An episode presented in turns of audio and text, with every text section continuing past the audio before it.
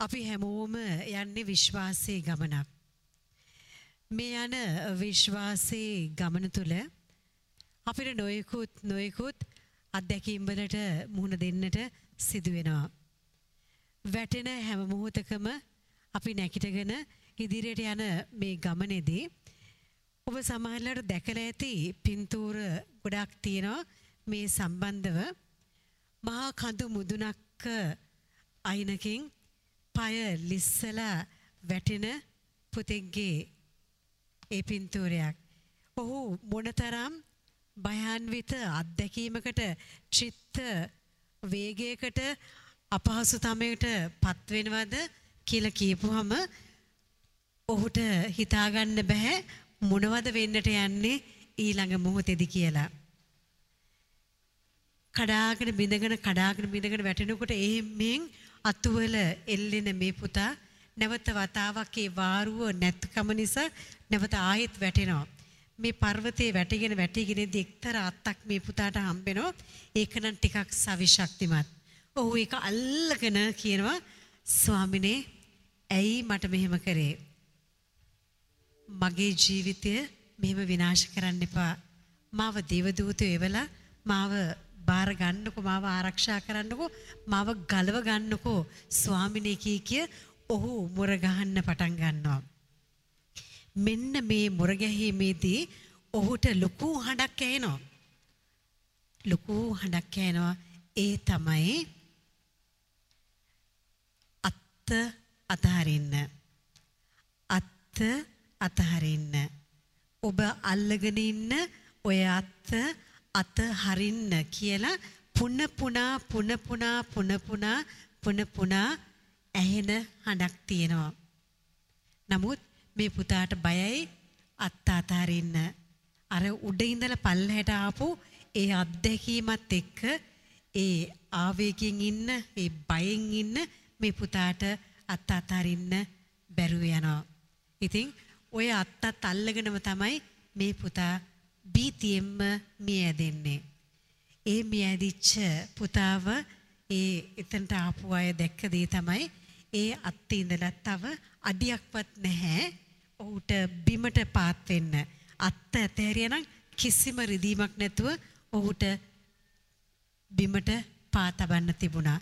නමුත් ඒ ඇතිවෙච්ච භීතිය නිසාත් ඒ ඇතිවෙච්ච ඒ ලෙට් ගෝ කරගන්න අත්හරින්නට බැරි වෙච්ච දේ නිසා ජීවිතය විනාශ වෙලා යනවා. ඉතින් රත්තරන් අම්මේ තාත්තේ දුවේ පුතේ අපි එක එක්කෙනාගේ ජීවිතවල නොයෙකුත් ආකාරයේ අපි තදින් අල්ලගෙන ඉන්න දේවල් තියෙනවා. අතහරින්නට. සමහරවිට අපේ සිතුවිලි වෙන්න පුළුවන්. අපේ ආකල්ප වෙන්න පුළුවන්. අපේ හැසිරීම් රටාවල් වෙන්න පුළුවන්. සමහරට පුද්ගලයෝ වෙන්න පුළුවන්. නොයෙකුත් ආකාරයේ දේවල් එක්ක අපි හැපි හැපි ඉන්නවා. අතහරින්න අපි බයයි. මොකද අතහැරියොත් මොකද වෙන්නේ? ඊළඟ මොහොතේ කියන ඒ බය අපේ හිතට එන නිසා. නමුත් අතහරින මොහොතේ තමයි නැවත හදවතට ශාන්තිය ලැබෙන්නේ. ජීවිතය බේරෙන්නේ අතහරින මොහොතේදී විතරයි. අත් අතහරින්න බැරි වෙච්ච නිසා ඒ පුතාගේ ජීවිතය ඉතිරින් හමාරු වුණා. ඉතින් එහෙමනම් රත්තරන් අම්බිතාති දුවේ පුතේ අපි යන මේ ගමන තුල ස්වාමින් වහන්සේට කියමු අනේ ස්වාමිනේ අපිව අවදි කරන්න අපි අල්ලගෙන තියෙන බ්‍රාන්චස් මොනවද? අල්ලන් තියෙන ඒ පුද්ගලයෝ මොනවද? සිතුවිලි මොනවද? ආකල්ප මොනවද? අතහැරිය යුතු දේවල් මොනවද කියලා අපේ මේ මයින්ඩ් එකේ ස්ක්‍රීන් එකට එහෙමත් නැත්නම් අපේ හදවතට තට්ටු කරලා කියන්න ස්වාමිනේ අපි හොල්ලලා කියන්න මෙන්න මේ දේ තමයි කියලා. අන්න එවිට ස්වාමිනේ නැවත වතාවක් අධ්‍යාත්මික ඇසෙන් අපේ ජීවිත දිහා බලන්නට අපිටත් සුළු මොහොතක් හරි උදා වේවි මේ ඇදෙන්නට මොහොතක්කට හරි පෙර. එහෙනම් ස්වාමින් වහන්සේට කියමු ස්වාමිනේ අඳුරේ ගැලී ඉන්නට අපේ ජීවිතයට ඉඩ දෙන්න එපා. අවදි වෙන්නට අපිට අවශ්‍ය කරන ඔබ වහන්සේගේ ශුද්ධාත්මාලෝකය අපිට දෙන්න ශුදෝ ස්වාමිනේ කියලා. ශුද්ධාත්මාලෝකය දෙන්න.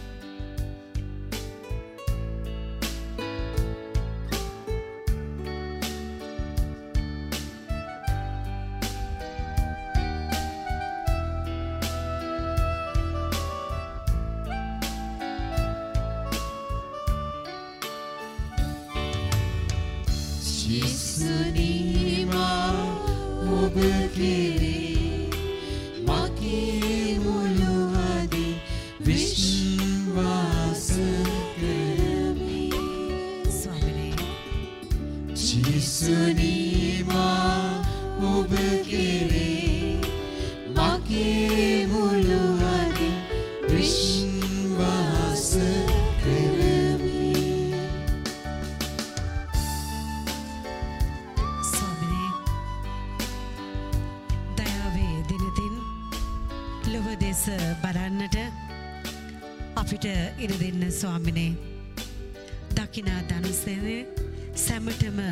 සරණ වන්නට අපට අවශ්‍ය කරන දිරිය ශක්තිය දෙන්න ස්වාමිනේ.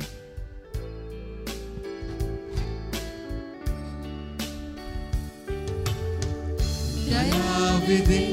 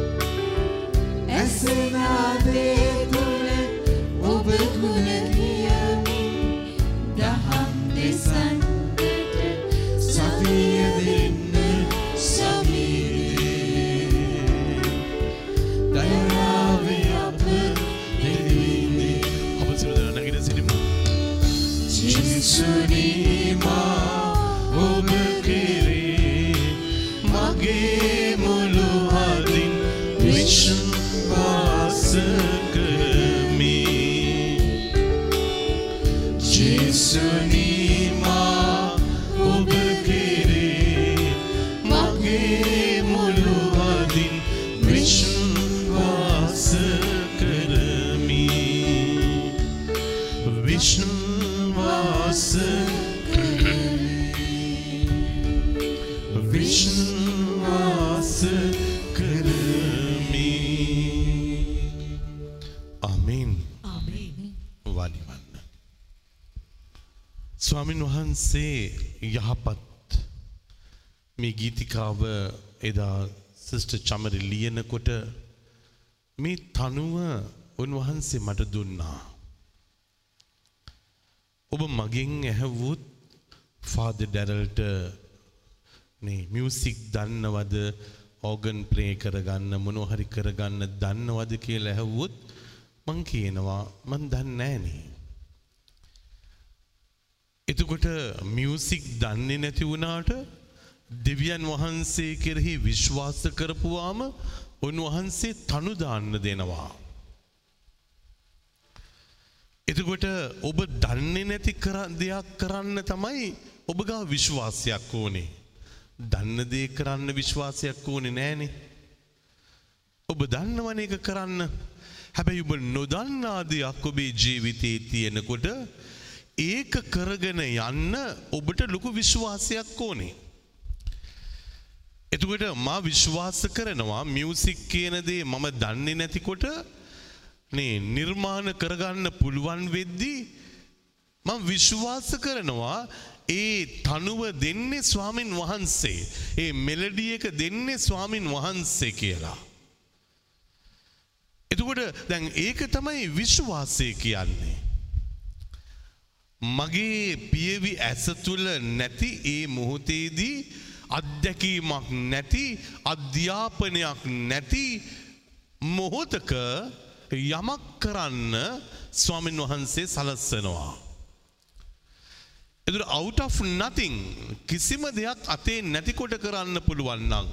එතන ලොකු විශ්වාසයක් තියෙනට වනේ. ඉපදෙනකොටම නේ බිස්නස් ඔබ කරලත් නැතුව ඇති. ඉපදෙනකොටම ඔබ රස්සාාවක් කරලත් නැතුව ඇති. ඉපදෙනකොට ඔබ ගොඩක් දේවල් කරලා නැහැ. ඉස්කෝලේ ඉන්න කාලෙත් ඔබ ගොඩක් දේවල් කරලා නැහැ. හැබැයි ඉස්කෝලෙන් පිට වෙලා ඇවිල්ලා දැන් ඔබට තේරනවා ඔබ මේ අමුතු ගමනක් ගිහිල්ලා වෙනස් ගමනක් ගිහිල්ලා නේ මේ ගමන පුදුම බලයක් මේ ගමන පුදුම ආශිර්වාදයක් මේ ගමන තුල වරප්‍රසාද ගොඩක් ලැබිලා එතකොට දැන් ඔබ ලබපු අධ්‍යාපනයට වඩා දැන් ගමනක් ඇවිල්ලා ඔබ පටන්ගත්ත තැනේ ඉඳල අරගෙන බැලුවොත් ඔබ පටන්ගත්ත දේට වඩා තැනකට ඔබ ඇවිල්ලා. මේ දෙවියන් වහන්සේ කෙරෙහි කවුරු හරි විශ්වාස කරොත් ඒ ස්වාමින් වහන්සේ දවසින් දවස දවසින් දවස පලදරන්න සරස්සනවාමයි. දවසින් දවස පලදරන්න සරස්සනවා. ඒ නිසා ආදි අනාදී ඉඳලම ජේසුනී කියන ඒ වචනයට ලොකු ආදරයක් මිනිස්සුන්ට ඇති වුණා. ජේසුනී. ජේසුනී කියලා කියපු ගම බලයක් ඇති වෙනවා. ජේසුනී කියලා කියපුවම සුවයක් ඇති වෙනවා. ජේසුනී කියලා කියපුවම සාංගිකත්වයක් ඇති වෙනවා. ජේසුනී කියලා කියපුවම ප්‍රාතිහාර සිදු වෙනවා. ජේසුනී කියපුවාම. එතකොට දැන් කෙනෙක් ඒ ජේස්වාමෙන් වහන්සේව විශ්වාස කරොත් උන්වහන්සේ එතනදී අවශ්‍ය කරන හැම කාරණාවක්ම ඉෂ්ට කරලා දෙනවා. මම නම් මගේ පූජාත්‍රය අවුරුදු විසි හතක් මේ අරගෙන එන්නේ මේ උන්වහන්සේ කෙරෙහි විශ්වාසයක් තබලා. උන්වහන්සේ කෙරේ විශ්වාසයක් තබලා. මම සමහර වෙලාවට හා කියලා එන්නේ උන්වහන්සේ කෙරේ විශ්වාස කරලා. මට අද වගේ මතකයි ඩෙංගු අයිසිව් එක හදන්න මම ජීවිතයටත් හිතල තිබිච්ච එකක් නෙමෙයි. ලක්ස පහක් අරගෙන ස්ප්‍රිතාලයට ගියේ කොට්ටමෙට්ට ටිකක් කරම් දෙන්නා. හැබැයි නේ ලක්කුමාල් ඩොක්ට ලක්කුමාල් කියනකොට අපිට අයිසිව එකක් හදල දෙන්න ෆාද කියද්දී එතන මිනිස්සුන් ගැන මට විශ්වාස කරගන්නවත් මං ගැන මට විශ්වාස කරගන්නවත් මෙහෙම කොහොමද අයිසිව එකක් හදන්න කියන එකක් තුළ විශ්වාස කරගන්නවත් මොකක්කත් තිබුණේ නැහැ. විශ්වාස කරන්න තිබුණේ එකම එක්කෙනාවයි. ඒ චේස්වාමින් වහන්සේව විශ්වාස කරා. මේක ඔබවහන්සේගේ සැලස්මක් නම් මේක ඔබවහන්සේගේ කතන්දරයක් නම් මේක ඔබවහන්සේට කරන්න ඕන දෙයක් නම් මම හා කියලා කියන්නම්.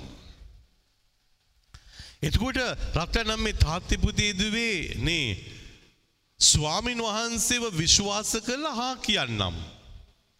ස්වාමින් වහන්සේව විශ්වාස කරලා පුළුවන් කියන්නම්. ස්වාමින් වහන්සේව විශ්වාස කරලා කරමුයි කියමු.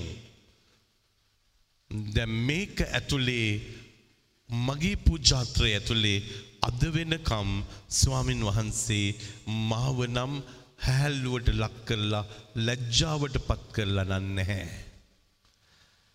උන්වහන්සෙත් එක්ක එකතු වෙලා ඒ විශ්වාසය තුළ කියන හැම දෙයක්ම ඒ විදියටම ඉෂ්ට වෙනවා. අද උදෙත් ස්පිතාලේ තමයි හිටියේ. එක වෙලාවකට හරිම දුකක් හිතුණා වාට්ටුවෙන් වාට්ටුවට යනකොට ඇඳින් ඇඳ බලාගෙන යනකොට කොරිඩෝ එක මැදින් යනකොට ඊට පස්සේ ඒගොල්ලන්ගේ ලෙඩුන්ගේ අවශ්‍යතාවයන් දකිනකොට සමහර වෙලාවට හදවත නිකං මොකද්දූ වුණා වගේ දැනුණා.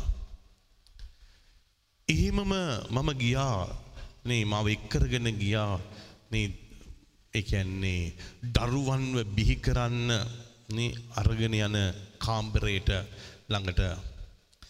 එතෙන්ට ගියාම මං දැක්ක දාඩිය දාගෙන ඉන්නවා කට්ටියම. මං ඇහුවා මොනවද? මෙතන ප්‍රශ්නය එතුවට කියනවා ෆාද ලේබ රූම් එක. මේක ඇතුළට නේ අම්මලා එන්නේ ලොකු බයකින් අම්මලා එන්නේ ලොකු තැතිගැන්මකින් අම්මලා එන්නේ ලොකු වේදනාවකින් ඒ මොහොතේදී. හැබැයි ආපුවාම මේ අපේ තියෙන ඒසි ඔක්කොම කැඩිලා. එක ඒසි එකක්වත් වැඩ කරන්න නැහැ. ඒගොලො පැය හතරක් සමහර වෙලාවට ඒ දරුවව බිහි කරන්න ඔට්ටු වෙන්නේ මේක ඇතුළේ. පැය හතරක් ඊට වඩා සමහර වෙලාවට ඔට්ටු වෙනවා ඒගොල්ලෝ තාඩිය දාගෙන අමාරුවෙන් තමයි මේ ඔක්කොම කරගෙන යන්නේ. මගේ හදවතට දැනුණත් දෙයනේ. ඒසි පහක් ඒසි පහක් කවද හරි මේකේ සෙට්කරොත් එතනදී ඒ ප්‍රසව වේදනාවත් එක්ක ඉන්න අම්මලට සහනයක් ලැබේවි සැනසීමක් ලැබේවි. ඒ දරුවව ප්‍රසූත කරගන්න යහපත් මානසිකත්වයක් තියේවි. ඒ වෛද්‍යවරුන්ට යහපත් මානසිකත්වයක් තියේවි. මනුස්ස මට්ටම තුළ හිතුණා. මගින් ඇහුවා පුළුවන්ද? මොනවහරි කරන්න? මම විශ්වාස කරා. ප්‍රොජෙක්ස් ගොඩක් මේ ස්පිතාල ඇතුළේ කරගෙන යනවා වාට්ටු කීපයකම. ඉතින් ඒ මුහතේදී මං කිව්වා නේ මගේ මනස ඇතුළේ දෙයියන්ට කිව්වා. මේකත් කරන්න පුළුවන්. කොහොම හරි ඒසි පහක් හයි කරමු. කොහොම හරි මේ ප්‍රසව වේදනාවත් එක්ක ඉන්න මේ දරුවව බිහි කරන ඒ මොහොතේදී නේ ඔවුන්ට ඒ ඒසි පහ ඒ භූමිය ඇතුළට යන්නට ඕනේ. ඒ ගොඩනැගිල්ල ඇතුළට යන්නට ඕනේ. මේක නේ දෙවියන් වහන්සේ කෙරේ විශ්වාස කරන එකක්. ක්‍රිස්තුස් වහන්සේ කෙරේ විශ්වාස කරන එකක්. උන්වහන්සේ තුළ ඉඳගෙන ගන්න තීන්දුවක්. එනිසා රත්නම් මේ තාත්්‍යපතේදුවේ මනුස්ස මට්ටම තුළ තීන්දු ගන්න තියෙනවා අපිට. හැබැයි ඒ තීන්දුව ගන්නකොට අපි බලන්නට ඕනේ අපි මිනිස්සුන්ත එක්ක එකතු වෙලා ගන්න තීන්දුව ආශිර්වාදිත වෙන්නේ ඔබ ස්වාමින් වහන්සෙත් එක්ක ඒ තීන්දුව ගත්තොත් විතරයි. ඔබේ අතේ තමයි තියෙන්නේ. ඔබ විශ්වාස කරනවද ස්වාමින් වහන්සේට ඒ ඔබේ අයිතිය පැවරුවට පස්සේ ඔබට කරන්න තියෙන හැම දෙයක්ම කරගෙන යන්න ශක්තියක් ලැබෙනවා කියලා. ඔබ විශ්වාස කරනවාද. එනිසා රත්න මේ තාත්්‍යපුතේ දුවේ මහැමදාම කියනවා මෙහට ඇවිල්ල යන්න ලේසි. හැබැයි හෙට දවසේ ඔබ හිතපුදේ ඇත්තක් වුණයි කියලා ඇවිල්ල කියන්න ඩෝනේ. දින හතලියක් යනකොට ඔබ ඇවිල්ල කියන්න ඩෝනේ ෆාද අපි හිතාගෙන හිටපු දේවල් මේවා අපි පතාගෙන හිටපු දේවල් මේවා අපි සලසුම් කරපු දේවල් ඒ මේවා මෙ ඔක්කොම එකින් එකට එකින් එකට හොන්දටම සිදුවනා ෆාද ලස්සටම සිදුවනා. අපි විශ්වාස කරට වඩා ගොඩක් දේවල් සිදුවනා. මේකට සාක්ෂිකරුවෙක් වෙන්නට ඕනේ. නැත්තංකාරිය දිනහතලියට සාක්ෂිකරුව වේවී ඔබ කියාවී දිනහතලියක් මං පල්ලි ගිහිල්ලාවා. Very good very good. හැබැයි මේ දිනහතලී ඇතුළේ ක්‍රිස්සුස් වහන්සේට කරන්න පුළුවන් කියනදේ අදහගෙන මේ ගමන යන්නට වනේ. අපි පෙරල්ල ගමු. සුදෝ බයිබලේ ජොම්තුමාගේ සුවිශේෂයේ හතරවෙනි පරිච්ඡේදේ හතලිස් හයවෙනි පදයේ සිට. යළිත් උන්වහන්සේ ගලීලේ කානා නම් ගමකට වැඩම කළ සේකා. උන්වහන්සේ විසින් වතුර මිදිවුෂ බවට හරවන ලද්දේ එහිදීය. එකල එහි එක්තරා රාජ්‍ය නිලධාරයෙක් විය. ඔහුගේ පුත්‍රයා රෝගාතුරව කපරුනවමෙහි සිටියේයා. එතකොට රටනම් මේ තාත්තිපුතේදුවේ ජේස්වාමන් වහන්සේ කොහෙද ඉන්නේ ගලීලේ කානානුවර ඉන්නේ. එතකොට රාජ්‍ය නිලධාරයා ඇවිල්ල ඉන්න කොහේ ඉඳලද කපර්නාවම ඉඳල ඇවිල්ල ඉන්නවා. මොනව නිසාද කපර්නාවම ඉඳලා මේ රාජ්‍ය නිලධාරිය ආවේ. මේ රාජ්‍ය නිලධාරයාට විශ්වාසයක් ඇති වුණා මම කවද හරි නේ ජේසු ස්වාමීන් වහන්සේ කියන කෙනාව හොයාගෙන ගියොත් උන්වහන්සේට මගේ පුතා ගැන කිව්වොත් මගේ පුතා සුවපත් වෙනවා මයි. මේක තමයි ඇදහිල්ල. මම ජේසුව හොයාගෙන ගිහිල්ලා මගේ පුතා ගැන කියන්න යනවා. මෙතනත් ඇවිල් ඇති ගොඩක් දෙනෙක් ඔබගේ ස්වාමි පුරුෂා ගැන කියන්න භාර්යාව ගැන කියන්න පුතා ගැන කියන්න දුව ගැන කියන්න ඇවිදින් ඉන්නවා ඇත්ත. දුරඉඳල එනවා සමහර වෙලාවට නේ මන් සමහලට අහනවා ඔබ කොහෙඉඳල දාවේ නේ ගොඩක් ඈත ගොඩක් ඈත ඉඳල ඇවිල්ල යන අය ඕන තරං ඉන්නවා මේ භූමියට. මොනවටද කියලා ඇහවොත් කාරිය අපිට ජේසුට කියල යන්න දෙයක් තියෙනවා. ළඟදි දවස්සක මහික් කෙනකින් ඇහව කොහින්දල දාවේ. ගල්ගම්ම ඉඳලාවේ. මොනුවට දාවේ ගල්ගම්ම ඉඳලා. මන්නිකං ඇහව මොනොට දාවේ. මේ බූට්ටුව ඉන්න ජේසුව පොඩ්ඩක් බල්ල යන්නාවා. කතා කරල යන්නවා බූට්ටුවට ආවා. මං ඇහවා ගල්ගම්ම ඉඳලා නේ මේ බූට්ටුවට ආවේ සප්‍රසාද වහන්සේ හොයාගෙන. නෑෆාද මම විශ්වාස කරනවා. මගේ නේ ගෙදර තියෙන ප්‍රශ්න ටිකයි දුවගේ තියෙන ප්‍රශ්නයයි මේ ඔක්කෝම මං අද අරගෙන ආවා බූට්ටුවට ඇවිල්ලා නේ මේ සප්‍රසාද වහන්සේ ඉස්සරහපිට මේ ඔක්කෝම කියලා භාරදීලා ජෙසුට එන්න කියල යන්න. යසුට එන්න කියල යන්න. මං එහවා වට විශ්වාසයිද ඔව්ෆාද මට විශ්වාසයි. ඕ මට විශ්වාසයි මට විශ්වාසයි. එන සයියාවේ.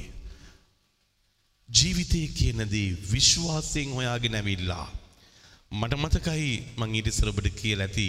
මට මතකයි එක්තරා කපල් එකක්. ඒගොල්ලන්ට අවුරුදු නමයක් දරුව හිටියේ නැහැ.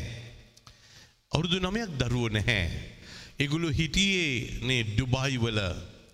එදර ඩුබායි වල හිටපු මේ යුවල නේ එක්තරා සිකුරාදා දවසක පූජාව පටන් ගන්නට මත්තෙන් මම ඉස්සරහා ගේට්ටුව ගාව එන්නකොටම මන් දැක්කා නේ ට්‍රැවලිම් බෑග් එක චූටි එකක් ඇදගෙන එනවා. එතකොට ඇවිල්ලා කිව්වා ෆාද අපි ඩුබයි ඉඳලා යාවේ මංකිව ප්‍රේස් ද ලෝඩ් නේ ගෙදර යන්න ඉස්සර දාවේ. නෑ ෆාද අපි ඩුබයි ඉඳලා පූජාවට ආවා. මං ඇහව ඩුබයි ඉඳලා මේ සිකුරාද පූජාවට ආවා? ඔව් ෆාද අපි විශ්වාසයෙන් ආවා. අපි දෙන්න මැරි කරලා අවුරුදු නමයක් වෙනවා. අපිට දරුව නැහැ. අපිට විශ්වාසයක් තියෙනවා. අපි මේ පූජාවට ඇවිල්ලා යනකොට අපිට දරුවෙක් කම්බ වෙනවා කියලා.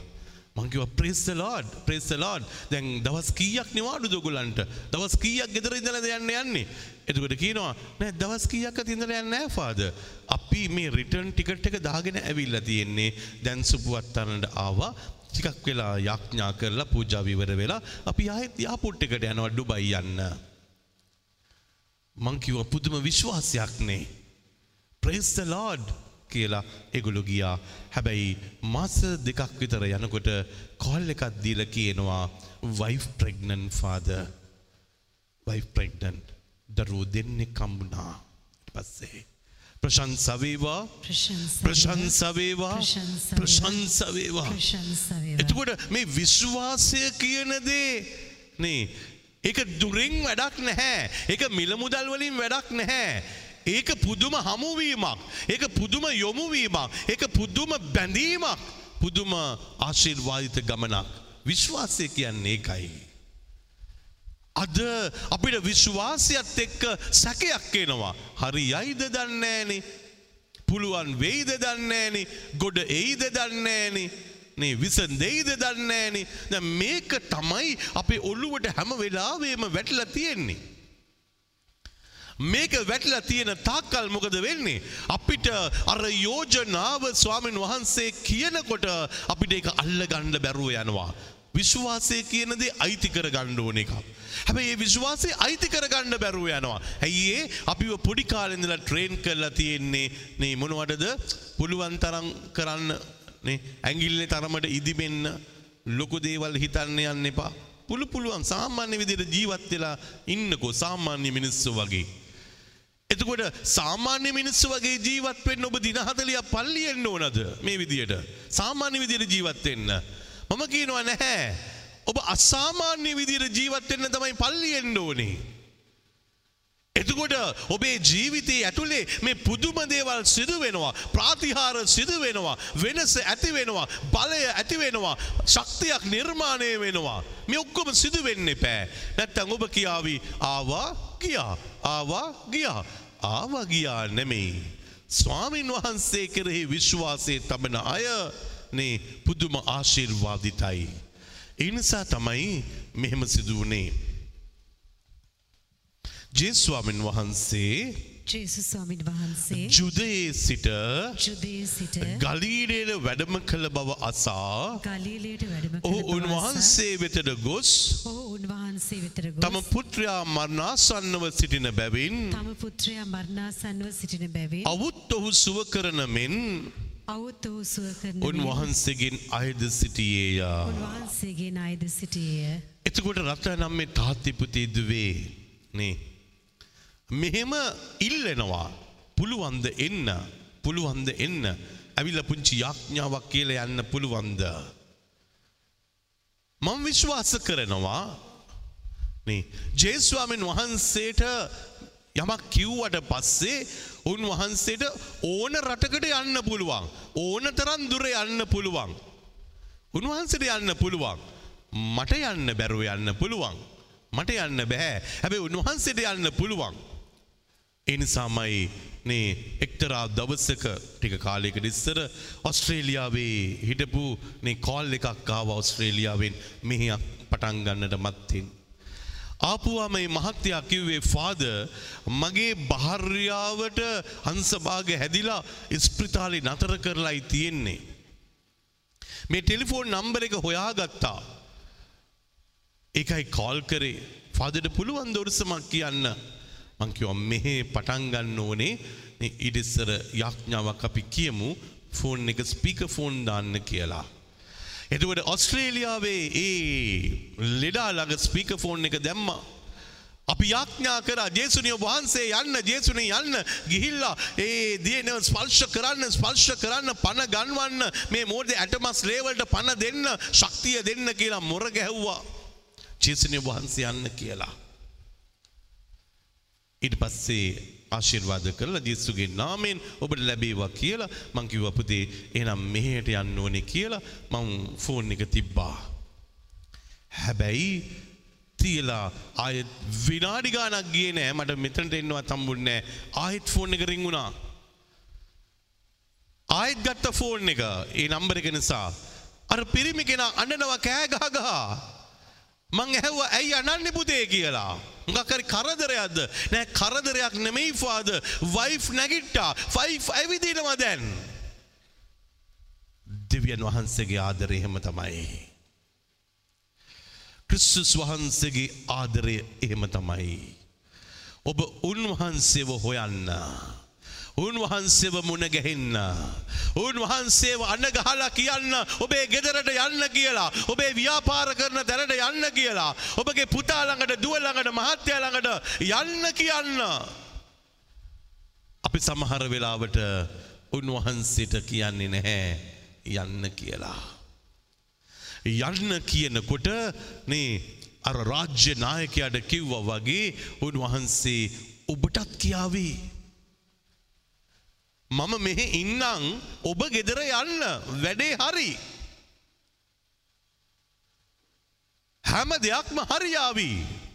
දැ මේක තමයි රත්තර නම් මේ තාත්තෙ පුතේ දුවේ සුභාරංචිය කියන්නේ. සුභාරංචිය කියන්නේ ස්වාමින් වහන්සේ මොකද කරන්නේ නේ ඔබ වෙනුවෙන් එතනට ගිහිල්ලා එතනට අවශ්‍ය කරන ඒදේ ඉෂ්ට කරලා දෙනවා මයි. ඔබ වෙනුවෙන් යනවා. දැන් අපි එහෙම විශ්වාස කරනවද මම වෙනුවෙන් ජේසු අපේ ගෙදරට යයි මං වෙනුවෙන් ජේසු අපේ ගමට යයි මං වෙනුවෙන් ජේසු ස්ප්‍රිතාලයට යයි එම විශ්වාසයක් තියෙනවද. ඒකයි ඇදහිල්ල කියන්නේ. ඔබ යන්නේ නැහැ. හැබැයි ස්වාමීන් වහන්සේ යනවා. ඔබට තියෙන්නේ උන්වහන්සේට කියන්න චේසුනි ඔබ වහන්සේට පුළුවන්ද මේ ඔෆිස් එකට යන්න මේ ෆැක්ටරියට යන්න මේ ආයතනයට යන්න මේ ස්ථානයට යන්න ඔබ වහන්සේට පුළුවන්ද? යන්න ජේසුනි ගිහිල්ල යමක් කරන්න. හැබැයි ආය සැකයක් ඇති කරගන්න බෑ. කිව්වට පස්සේ වෙයිද දන්න ඇනි හරියයිද දන්න ඇනි ඒව බෑ. අද අපිට ක්ෂණික ඕනනේ දැන් අදයි ඉල්ලුවේ හෙට නෑ තාම හම්බෙලා නෑ. එතුළ මොකද වෙන්නේ. ඉල්ලුවට හම්බුන් නෑනේ. ෆාදඩං කියනවා ඉල්ලපු ගාම හම්බ වෙනවයි කියලා. ඉතින් අපිත් ඉල්ලවන දෙක තාම ඇයි පරක්කු හම්බෙන්න පෑ. හම්බ වෙනවම්මයි. හැබැයි ඒ ඇතහිල්ලෙම ඉන්න.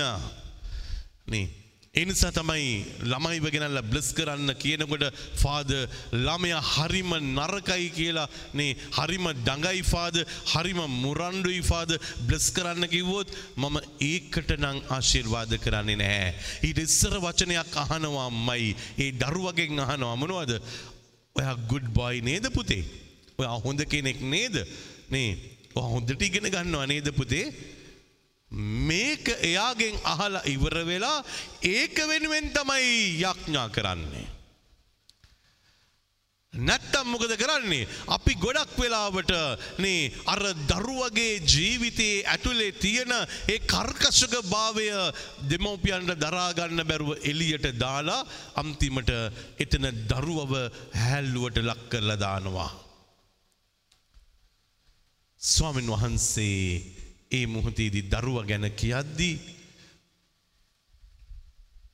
මැරෙන්ඩයි යන්නේ මගේ පුතා මැරෙන්ඩයි යන්නේ ඉක්මන් දෙන්න මැරෙන්ඩයි යන්න කියලා කියනවා. හැබැයි උන්වහන්සේට වඩා වෙනත් උත්තරයක් දෙනවා. රාජ්‍ය නිලධාරයාද මහතානෙන මගේ දරුවා මිය එන්නට පෙර වැඩිය මැනවයි ඇදී වැඩිය මැන ජේස්වාමින් වහන්සේ කතා කරමින් යන්න ඔබේ පුත්‍රයා ජීවත් වන්නේ ඇයි ඔහුට ඇයි? සේකා. ඔහුට වදාළසේක බයිවෙන්න පා මැරෙන් නෑ කියල කියනවද. නැහැ. ඔයා යන්න ඔයාගේ පුතා ජීවත් වෙනවානේ. මේකයි සුභාරංචිය. ඔබයා යන්න බයවෙන්න එපා පුතා ගැන බයවෙන්න එපා දුව ගැන බයවෙන්න එපා මහත්තයා ගැන බයවෙන්න එපා භාර්යාව ගැන ඒගුල නොක්කුටම හරියනවා. මේක නැමේද අපි ස්වාමින් වහන්සේගෙන් ඉල්ල ගන්නට ඕනේ. බයිවෙන්න පානේ හරියනවයි කිව්වම කියනවා ෆාද දෙච්චර තේරුමක් නෑ ෆද වෙලාව දුන්නෙත් නෑ. ගොඩක් වෙලා කතා කරේ නෑනෙ. ඉන්ද වෙලා කතා කරෙත් නෑනෙ. රෙස්පෙක් කල්ල කතා කරෙත් නෑනෙ. හරි දැන් කිසි ප්‍රශ්නයක් නෑ බයවෙන්න බා යන්න විතරණ කියන්නේ. අම්ම තාත්තිපතිදුවේ ඇදහිල්ල කියන්නේ ඒකයි. ඇදහිල්ල කියන්නේ නේ ඔබ යන්න ස්වාමින් වහන්සේ ප්‍රශ්නය විසඳලා ඉවරයි. පුතේ ඔබේ ප්‍රශ්නය විසඳලා ඉවරයි. දුවේ ඔබේ ප්‍රශ්නය විසඳලා ඉවරයි. මේකයි ඇදහිල්ල කියන්නේ. විශ්වාසය කියන්නේ ඒකයි. ඒ නිසා තමයි යන්න කියලා කියන්නේ. නේ? මිනිස්සුන්ට යන්න කියපුවාම දුක හිතෙනවා. මිනිස්සු හිතෙනවා ෆාද ගණන් ගන්නෑනේ සලකන්නෑනේ. යන්න කියන්නේ තරහවකට නෙමෙයි. යන්න කියන්නේ ස්වාමින් වහන්සේ තුළ ඒ සුවය අයිති කරගත්ත නිසා. සුවය බලය ආශිර්වාදය අයිති කරගත්තට පස්සේ. ආයෙත් කියන්නේ ඉන්ඩ නෙමෙයි යන්න බයවෙන් නැතුව යන්න ප්‍රශ්නය විසඳෙනවා මයි. අද මේ වෙලාවේ තියෙන අත්දැකීම නෙමෙයි. නේ අනාගතයේ දරුවගේ හොඳයි අනාගතය හොඳයි. මහත්‍යයාගේ අනාගතය හොඳයි. භාර්යාවගේ අනාගතය හොඳයි. ඔබ යන්න ඔබ කරන්න. මේක නැමේද සුභාරංචයක් වෙන්නට ඕනේ. එනිසා ජේස්වාමන් වහන්සේ ඒ සුභාරංචිය පැහැදිලිවම රාජ්‍ය නිලධාරයට කියනවා. ඔබ යන්නකෝ ඔබේ පුතා ජීවත් වෙනවනේ. ඔබේ පුතා ජීවත් වෙනවා. තාත්තලට තියෙනවා දෙවෙනි විශ්වාසයක්. තාත්තලට තියෙනවා අම්මලට තියෙනවා දෙවෙනි විශ්වාසයක්. භාර්යාවක් වශයෙන් ඔබට තියෙනවා දෙවෙනි විශ්වාසයක්. මගේ තාත්තා ජීවත් වෙනවා. මගේ අම්ම ජීවත් වෙනවා. මගේ පුතා ජීවත් වෙනවා. මගේ දුව ජීවත් වෙනවයි කියන එක අපි අල්ලගන්නේ නැහැ. අපි හැමේලෑම කියන්නේ මගේ අම්මට බැහැදැන්. මගේ තාත්තට බැහැදැන්. මගේ භාර්යාව දැන් හරිම ලෙඩයි. මගේ මහත්ය දැන් හරිම ලෙඩයි. මගේ පුතා දැන් හරිම ලෙඩයි. දැම් බැලූ බැල්මට රත්ත නම්ම තාත්තෙබුදී දුවේ. අපි අයිති කරගෙන ඒක ඔල්ලුවේ දාගෙන ඇගේ දාගෙන නේ ලියල පර්සගෙත් දාගෙන ඉන්නවා. නැද්ද. අර්ගෙන බලන්නකෝ සමහර වෙලාවට අර ෆයිල් එකේ නේ මගවටත් ගෙනවා ෆයිල් එකක් උත්සගෙන නේ ෆොටෝ සොක්කෝම අලවෙලා අපේ ගෙදර තියෙන ප්‍රශ්න ප්‍රශ්න ප්‍රශ්න ප්‍රශ්න කියලා තමයි පෙන්වන්නේ. එතකොට එක දවසක් පෙන්වට කමන්නේ ප්‍රශ්න තියෙනවයි කියලා. අවුරුදු දහයක් ගියත් ආය ඒක මරගෙන ඇවිල්ලා පෙන්වනවා ප්‍රශ්න තියෙනවයි කියලා. එතකොට දැන් කවුද අයිති කරගෙන තියෙන ප්‍රශ්නය? ෆයිල් එකක් අරගෙන ෆොටෝ අලවලා ලැමිනේට් කරලා ප්‍රශ්නය තියාගෙන ඉන්නවා. ඉතින් කොහොමද විසඳෙන්නේ? ස්වාමීන් වහන්සේ කී වතාවක් කියාවිද ඔබට බය නැතුව යන්න ඔක්කොම හරි කියලා. හැබැයි යන්න කියලා කිව්වට හරියන්නේ නැහැ ෆයිල් එක ඇතුලේ ලැමිනේට් කරලා ප්‍රශ්නයත් එක්ක මේ මුද්‍රණය කරලා තියාගෙන ඉන්නවා. ඒක තමයි තුල්ලු කරගෙන ඉන්නේ. යන යන හැමතැනම ඒක උස්සගෙන ඉන්නවා ඊට පස්සේ ප්‍රශ්නය. ස්වාමීන් වහන්සේ කියන්නේ ප්‍රශ්නය අතහරින්න. ස්වාමීන් වහන්සේ කියන්නේ රෝගය අතහරින්න. ස්වාමීන් වහන්සේ කියන්නේ කරදරය අතහරින්න. ඒක විශ්වාස කරන්න එපා. ඔබේ පුතා ජීවත් වෙනවයි කියන එක විශ්වාස කරන්න. මේක අල්ලගන්නේ අතලුස්සයි. මේ ඇදහිල්ල අල්ලගන්නේ අතලුස්සයි. බහුතරයක් ඕන වෙන්නේ ප්‍රශ්නය මාගාව තියෙනවයි කියලා අර ෆොටෝ එක ලැමිනේට් කරලා ප්‍රශ්නයත් එක්කම ෆයිල් කරලා ඒක තියාගෙන ජීවත් වෙන්න අයියෝනේ. ඔබ මගින් ඇහවුවොත් ප්‍රශ්නය ජීවත් කරවනවද කියලා මම නම් ජීවත් කරවන්නේ නැහැ. ලියන්නේ නම් නැහැ ප්‍රශ්නය. එහෙම ලියලා තියාගන්නේ නම් නැහැ ප්‍රශ්නය. මම අනාගතයේ කරන්න තියෙන දේවල් ටික ලියනවා හැබැයි. අනාගතයේ සිදුවෙන්නට යන දේවල් නේ ඒ නිසා තමයි ඒව ඔක්කොම ලිව්වා. මෙහෙම සුපුවත්තරණක් හදනවා මේ වගේ ශාලාවල් හදනවා පාවෙන ගෙවල් හදනවා බෝට්ටු හදනවා ගොස්පල් විලේජ් හදනවා පාද නමස්කාර හදනවා. මේ ඔක්කොම කොළවල ලිව්වා. අවුරුදු ගානකට ඉස්සර ලිව්වා. මේ වත්ත ගන්න ඉස්සර ලිව්වා. ඒවත් තලන්න ඉස්සර ලිව්වා. ඇදහිල්ලා.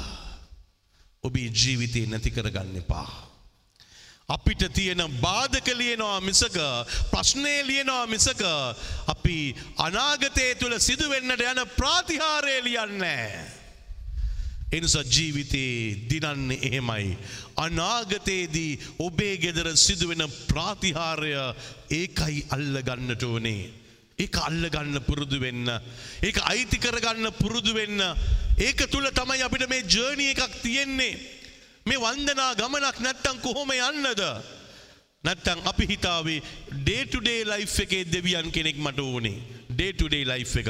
අද ප්‍රශ්නයකාව අද අද ප්‍රශ්නයට දෙවියන් කෙනෙක් වනේ. අද ආය කරදරයකාව අද ආයෙත් මට දෙවියන් ඕනේ. අද ලෙඩක් හැදුනා ආයෙත් මට දෙවියන් වහන්සේ වූනේ. අම්මේ තාත්තේ බුදේ දුවේ ඔබේ අනාගතය. අවුරුදු ගානකට ඉස්සරා නේ ඉස්සරහා දැකලා ඒක අයිති කරගන්න. එක අයිති කරගන්න. කවුත් කාත්තික දෛති කරගන්නේ ස්වාමින් වහන්සේත් එක්ක එතුර මොනාද වෙන්නට යන්නේ. ඔහු යන කල ඔහුගේ දාසයෝ පෙරමගට අවුත්. ඔබගේ පුත්‍රයා ජීවත් වන්නේ ඇයි කිය. ඒ. වචන කවුරු හරි කිව්වද ඔහුට ඉඩෙස්සර රාජ්‍යනායකයට ඔය වචන කිව්වද කවුරු හරි ගෙදරට යනකොටම ජේසු කියපු ඒ වචනය ආයිත් ඇහෙනවා. ඔබ ගෙදර යන්න ඔබේ පුතා ජීවත් වන්නේය. එනිසා ගමේ මිනිස්සු මොකද කරන්නේ. ගමේ මිනිස්සුත් නේ එක බාට්ටම ඔහු වෙනකොට ඉස්සරහට විල්ල කියනවා ඔබේ පුතා ජීවත් වනවා ඔබේ පුතා ජීවත් වෙනවා ඒක තමයි ආශිර්වාදය කියන්නේ ප්‍රශංසවේවා ප්‍රශංසා ප්‍රශංසවේවා ප්‍රශංසා ප්‍රශංසවේවා ප්‍රශංසා ඔබට. ස්වාමීන් වහන්සේගෙන් ඇහෙනදේ ගමේ මිනිස්සුත් ඒක සනාත කරනවාමයි. ඔබේ ගෙඩර ඉන්න අය එක සනාත කරනවාමයි. ඒ නිසා ඔබට ඉස්සල්ලාම ඇහෙන්නට ඕනේ. ගමේ මිනිස්සුන්ගෙන් නෙමෙයි ඇහෙන්නට ඕනේ. ඔබට ඇහෙන්නට ඕනේ ජේසුස් ස්වාමීන් වහන්සේගෙන්. ජේසුස් ස්වාමීන් වහන්සේගෙන් ඇහෙනදේ ගම ඇතුලේ ප්‍රාතිහාරාත්මකව පවසයි ඒගොල්ලෝ. එනිසා මොනවද වෙන්නට යන්නේ. එවිට පුත්‍රයා සුවේ ලබන්නට ගත්තේ කොයි වෙලාවේ දැයි පුත්‍රයා සුවේ ලබනට පටන් ගත්තේ කොයි වැලේදයි ඔහු ඔවුන්ගෙන් විමසීය. ඔවුන්ගෙන් ඊයේ. පස්වරු එකට පමණ ඊයේ පසුරු එකට පමණ උන බැස්සේ ඇයි? උණ බැස්සේ යැයි ඔහු කීහ. ඔහු කීය. ඔබගේ පුත්‍රයා ජීවත් වන්නේ ඇයි? ඔහුගේ පුත්‍රයා ජීවත් වන්නේ ජේස්වාමින් වහන්සේ ඔහුට වදාලේ ජේසුස් ස්වාමීන් වහන්සේ ඒ ඌට වදාළේ, මොහොතේ ඇයි? ඒ මොහොතේදී යැයි දැනගත් බැවින් දැනගත් බැවින් ඔහුද? ඔහුද? ඔහුගේ ගෙදරවැසි සියල්ලෝද? ඔහුගේ ගීවැස් සියල්ලෝද? එතුමන් අදහාගත්හ. එතුමන් අදහාගත් ප්‍රශංසවේවා ප්‍රශංසා ප්‍රශංසවේවා ප්‍රශංසා ප්‍රශංසවේවා. ප්‍රශංසා වේවා. ඉනිසා අම්මේ තාත්තිපුතේ දුවේ විශ්වාසය පෙරදැරි කරගෙන ඔබ අදහල්ල ජීවිතය පටන් ගන්න. විශ්වාසයත් එක්ක. එනිසා ඔබගේ ජීවිතේ ඇතුලේ තියෙන ප්‍රශ්නය ඔබ අතහැරපු දාට ඔබේ අනාගතය තුළ දෙවියන් වහන්සේ දෙන වරප්‍රසාදය සිහින ලෝකයක් තුළ ඔබ මවා ගනීවී. එනිසත් සිහින දකින්න. උදේ ඉඳල හැන්දෑ වෙනකන් සිහින දකින්න. සුභවාදී සිහින දකින්න. නේ. අර වැඩේ මෙහෙම වෙනවා මේ වැඩේ මෙහෙම වෙනවා ඒක ලස්සන්ට ගොඩ නැගෙනවා මේක මේ නියමට හැදෙනවා අ, මෙතනට යන්න පුළුවන් වෙනවා අර ප්‍රශ්නය විසඳලා ගියා මේ ප්‍රශ්නය විසඳලා ගියා දැන් මේක නැමෙයිද අපේ සිහින ලෝකයේ වෙන්නට ඕනේ උදේ ඉඳලා හැන්දෑ වෙනකන් ඒක නෙමෙයිද අපි අදහන්නට ඕනේ. උදේ ඉඳලා හැන්දෑ වෙනකන් ඒක නෙමෙයිද අපි ස්වාමින් වහන්සේත් එක්ක බද්ධ කරලා තියාගන්නට ඕනේ. අපි වැරදි දේවල් සමහර වෙලාවට ජීවිතයේ බද්ධ කරගන්නවා. අපි ජේ ස්වාමින් වහන්සේ වෙතට ඇවිල්ලා කියලා උන්වහන්සේ අපිව නිදහස් කරාට පස්සෙත් අපි ඒ ඇතුළෙම ජීවත් වෙන්න හදනවා. සමහරට හරිම දුකයි කොමිසං කරන වෙලාවේදී ඇවිල්ල කියනවනේ මොනවද කියන කොමිසං කරන වෙලාවේදී. ඉස්සර කිව්ව ෆාද නමුත් මං ආයෙත් කියනවා. හැම කොමිසමේදීත් මං කොහොමරි මේක කියනවා ෆාද. අපි දෙවියන් වහන්සේ කොච්චර හැල්ලුවට ලක් කරනවද. ජේස්වාමෙන් වහන්සේ දෙවියන් වහන්සේ ඔබ මම කරපු පාපයට සමාව දීල ඉවරයි. ඒ පාපු චාරණය තුළ මනස්ථාපනය තුළ උන්වහන්සේ නිදහස් කරල දාල ඉවරයි. හැබැයි අපි ඇවිල්ල මොනවද කියන්නේ. කිව්ව තමයි ෆාද හැබැයි ඉතිං එක මට හිතෙන ආයිත් කියන්න ෆාද. කියපු දේවල් අපි ආයිත් කියනවා. ඇයිඒ ස්වාමින් වහන්සේ කෙරෙහි විශ්වාසයක් නෑ. දෙවියන් වහන්සේ කෙරේ විශ්වාසයක් තාම නැහැ. යන්නේ කොමිසමට හැබැයි විශ්වාසයක් නැහැ. යන්නේ ඇඩෝරේෂන් එකට හැබැයි විශ්වාසයක් නැහැ. යන්නේ පූජාවට තාම විශ්වාසයක් නැහැ. යන්නේ මෙහේවල් වලට හැබැයි තාම විශ්වාසයක් නැහැ. එනිසා විශ්වාසය කියන්නවදේ ඔබ ගාව තියාගන්නට වන ලස්සන තැග්ගක් එක තියාගන්න. එතකොට ඔබට පුළුවන් වේවි ඔබ ළඟ තියෙන මේ තෑග්ග අනිත් ඇත් එක්ක බෙදාගන්න. මේ දින හතලියේ උත්සාහ කරමුද නේ තව තව ටික කාලයයි නිතියෙන්නේ ප්‍රශ්න බෙදාගන්නේ නැහැ වරප්‍රසාද ගැන කතා කරනවා.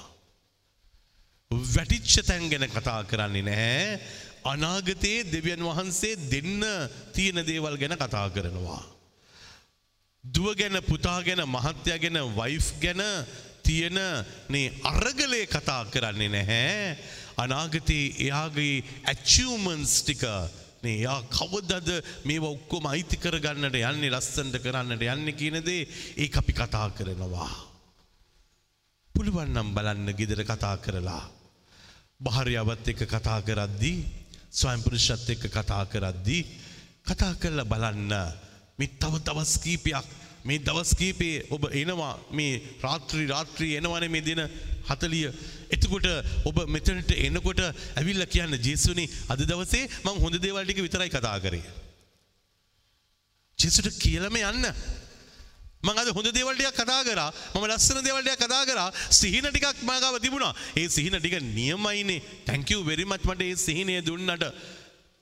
thank you very much. ඉනිසරත්තන මේ තාත්තිපති දුවේ. ස්වාමීන් වහන්සේ ඔබේ නම කතා කරලා මේ භූමියට ගෙන්නලා තියෙන්නේ. ඔබ YouTube එකෙන් සම්බන්ධ වෙන්නේ. ඔබ සෙත් FM නාලිකාවෙන් සම්බන්ධ වෙන්නේ. ඔබට වැඩ නැති නිසා නෙමෙයිනේ. ඕන තරම් වැඩ තියෙනවා. හැබැයි ඒ ඔක්කොම වැඩ පැත්තක දාලා ඔබ ඇවිල්ලා ඉන්නවා නම් ඇවිල්ලා ඉන්නේ පරණ කෙනා වෙලා ගෙදර යන්නද බැරිවිච්ච කෙනා වෙලා ගෙදර යන්නද කනුළු කතන්දරයට උරුමකම් කියන කෙනෙක් වශයෙන් ගෙදර යන්නද එහෙමත් නැත්තම් චේස්වාමෙන් වහන්සේත් එක්ක බද්ධ වෙලා උන්වහන්සේගේ ප්‍රාතිහාර දිහා බලාගෙන දෙවියන් වහන්සේට තුතිපුදන්නද. මම විශ්වාස කරන්නේ ප්‍රාතිහාර දිහා බලාගෙන දෙවියන් වහන්සේට තුතිපුදමු. හැමදාම තුතිපුදමු. මටනං හැමදාම තියෙනවා. හැමදාම උදේ ඉඳල හැන්දෑ වෙනකම්ම එන කෝල්ස් ගොඩක් තියෙනවා ඒ කෝල්ස් වෙනුවෙන් මට දෙවන් වහන්සට ස්තුති කරන්නට වනේ. මට කනෙක්ටිවිටස් ගොඩක් තියෙනවා ඒ කනෙක්ෂන් එක වෙනුවෙන් දෙවන් වහන්සට ස්තුති කරන්නට වනේ. දවස්සකට නේ කතා බහත් තුළ ලැබෙන සතුටක් තියෙනවා ඒක වෙනුවෙන් දෙවියන් වහන්සට ස්තුති කරන්නට වනේ. කතා බහක් තුළ සහ ගණ දෙනු තුළ නේ මෙච්චරකල් හිතපු නැති කරන්න බැරිවිච්ච දේවල් කරගන්න පුළුවන්කමක් තියෙනවා ඒ වෙනුවෙන් ස්වාමින් වහන්සට ස්තුති කරන්නට වනේ. එතකොට අපිට දවසක් ගෙවෙනකොට ස්තුති කරන්න ගොඩක් දේවල් තියෙනවා. අන්ඩෙනවා වෙනුවට ලත වෙනවා වෙනුවට කරදර වෙනවා වෙනුවට සුසුම්ලනවා වෙනුවට දෙවියනේ ඔබවහන්සේට සියලුම ගෞරවයත් මහිමයත් වේවා කියල කියන්න පුළුවන් නැගිටින්න. ස්වමින් වහන්සේ ඉදිරියේ පෙනී සිටින්න. රාජ්‍ය නිලධාරයා ස්වාමින් වහන්සේ ඉදිරියේ පෙනී සිටියා. රාජ්‍ය නිලධාරයා ස්වාමින් වහන්සේ ඉදිරියේ පෙනී සිටියා. ඔබත් පෙනීන්න. ඔබ ගෞගානක් ඇත ඉඳලා යාවේ. සුපුවත් අරණ ඇතුළේ ඉඳලාවේ මං විතරයි. ඉතුරු ඔක්කෝමන සුපුවත්තන්නෙන් ඇත ඉඳලා යැවිල්ල ඉන්නේ. එතකොට ඔබේ ගමින් ඔබ ආවා ඔබේ නගරයෙන් ඔබ ආවා ඔබේ ගෙදරින් ඔබ ආවා ඔබේ ප්‍රදේශයෙන් ඔබ ආවා කපරුණවමෙන් ගලීලට ආපු කානා නුවරට ආපු රාජ්‍ය නිලධාරයා වගේ ඔබත් ඇවිල්ලා. සප්‍රසාද වහන්සේ දිහා බලාගෙන ඔබට මොනවද කියන්න තියෙන්නේ.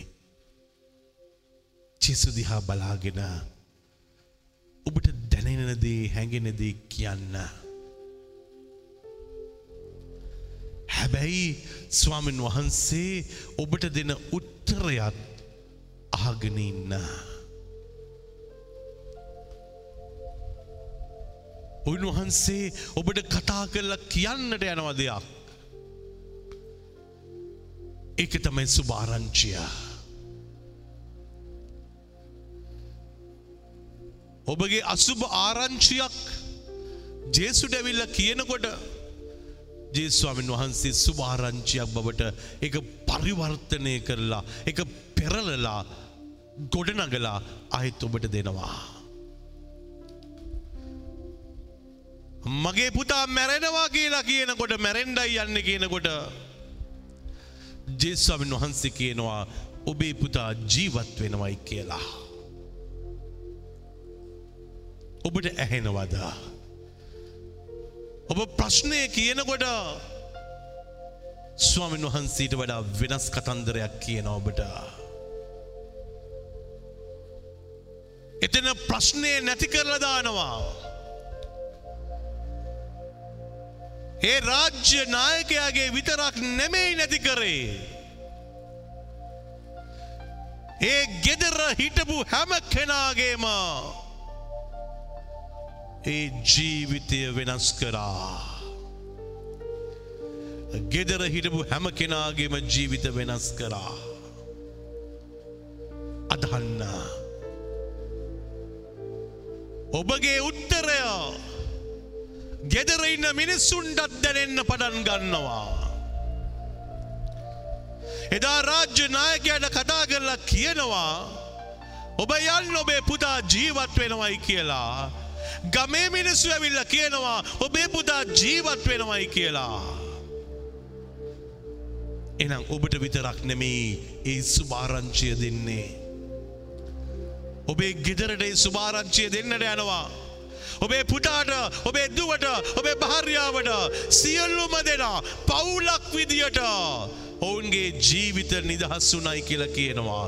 පවුලක් විදියට ස්වාමීන් වහන්සේවේ අදහා ගත්තා. ඇයිඒ උන්වහන්සේ තුළ සත්‍යය ධර්මයක් තියෙන නිසා. උන්වහන්සේ ෆේක් නැහැ බොරු නැහැ. උන්වහන්සේගේ වචනය බොරුවක් නෙමෙයි. උන්වහන්සේගේ ඒ ආදරය බොරුවක් නෙමෙයි. උන්වහන්සේගේ ස්පර්ශය බොරුවක් නෙමෙයි. උන්වහන්සේගේ ඒ මහා ආදරවන්ත වදන් බොරුවක් නෙමෙයි. ඔබ අදහන්න ස්වාමින් වහන්සේ මගේ ජීවිතය තුළ සැබෑ සත්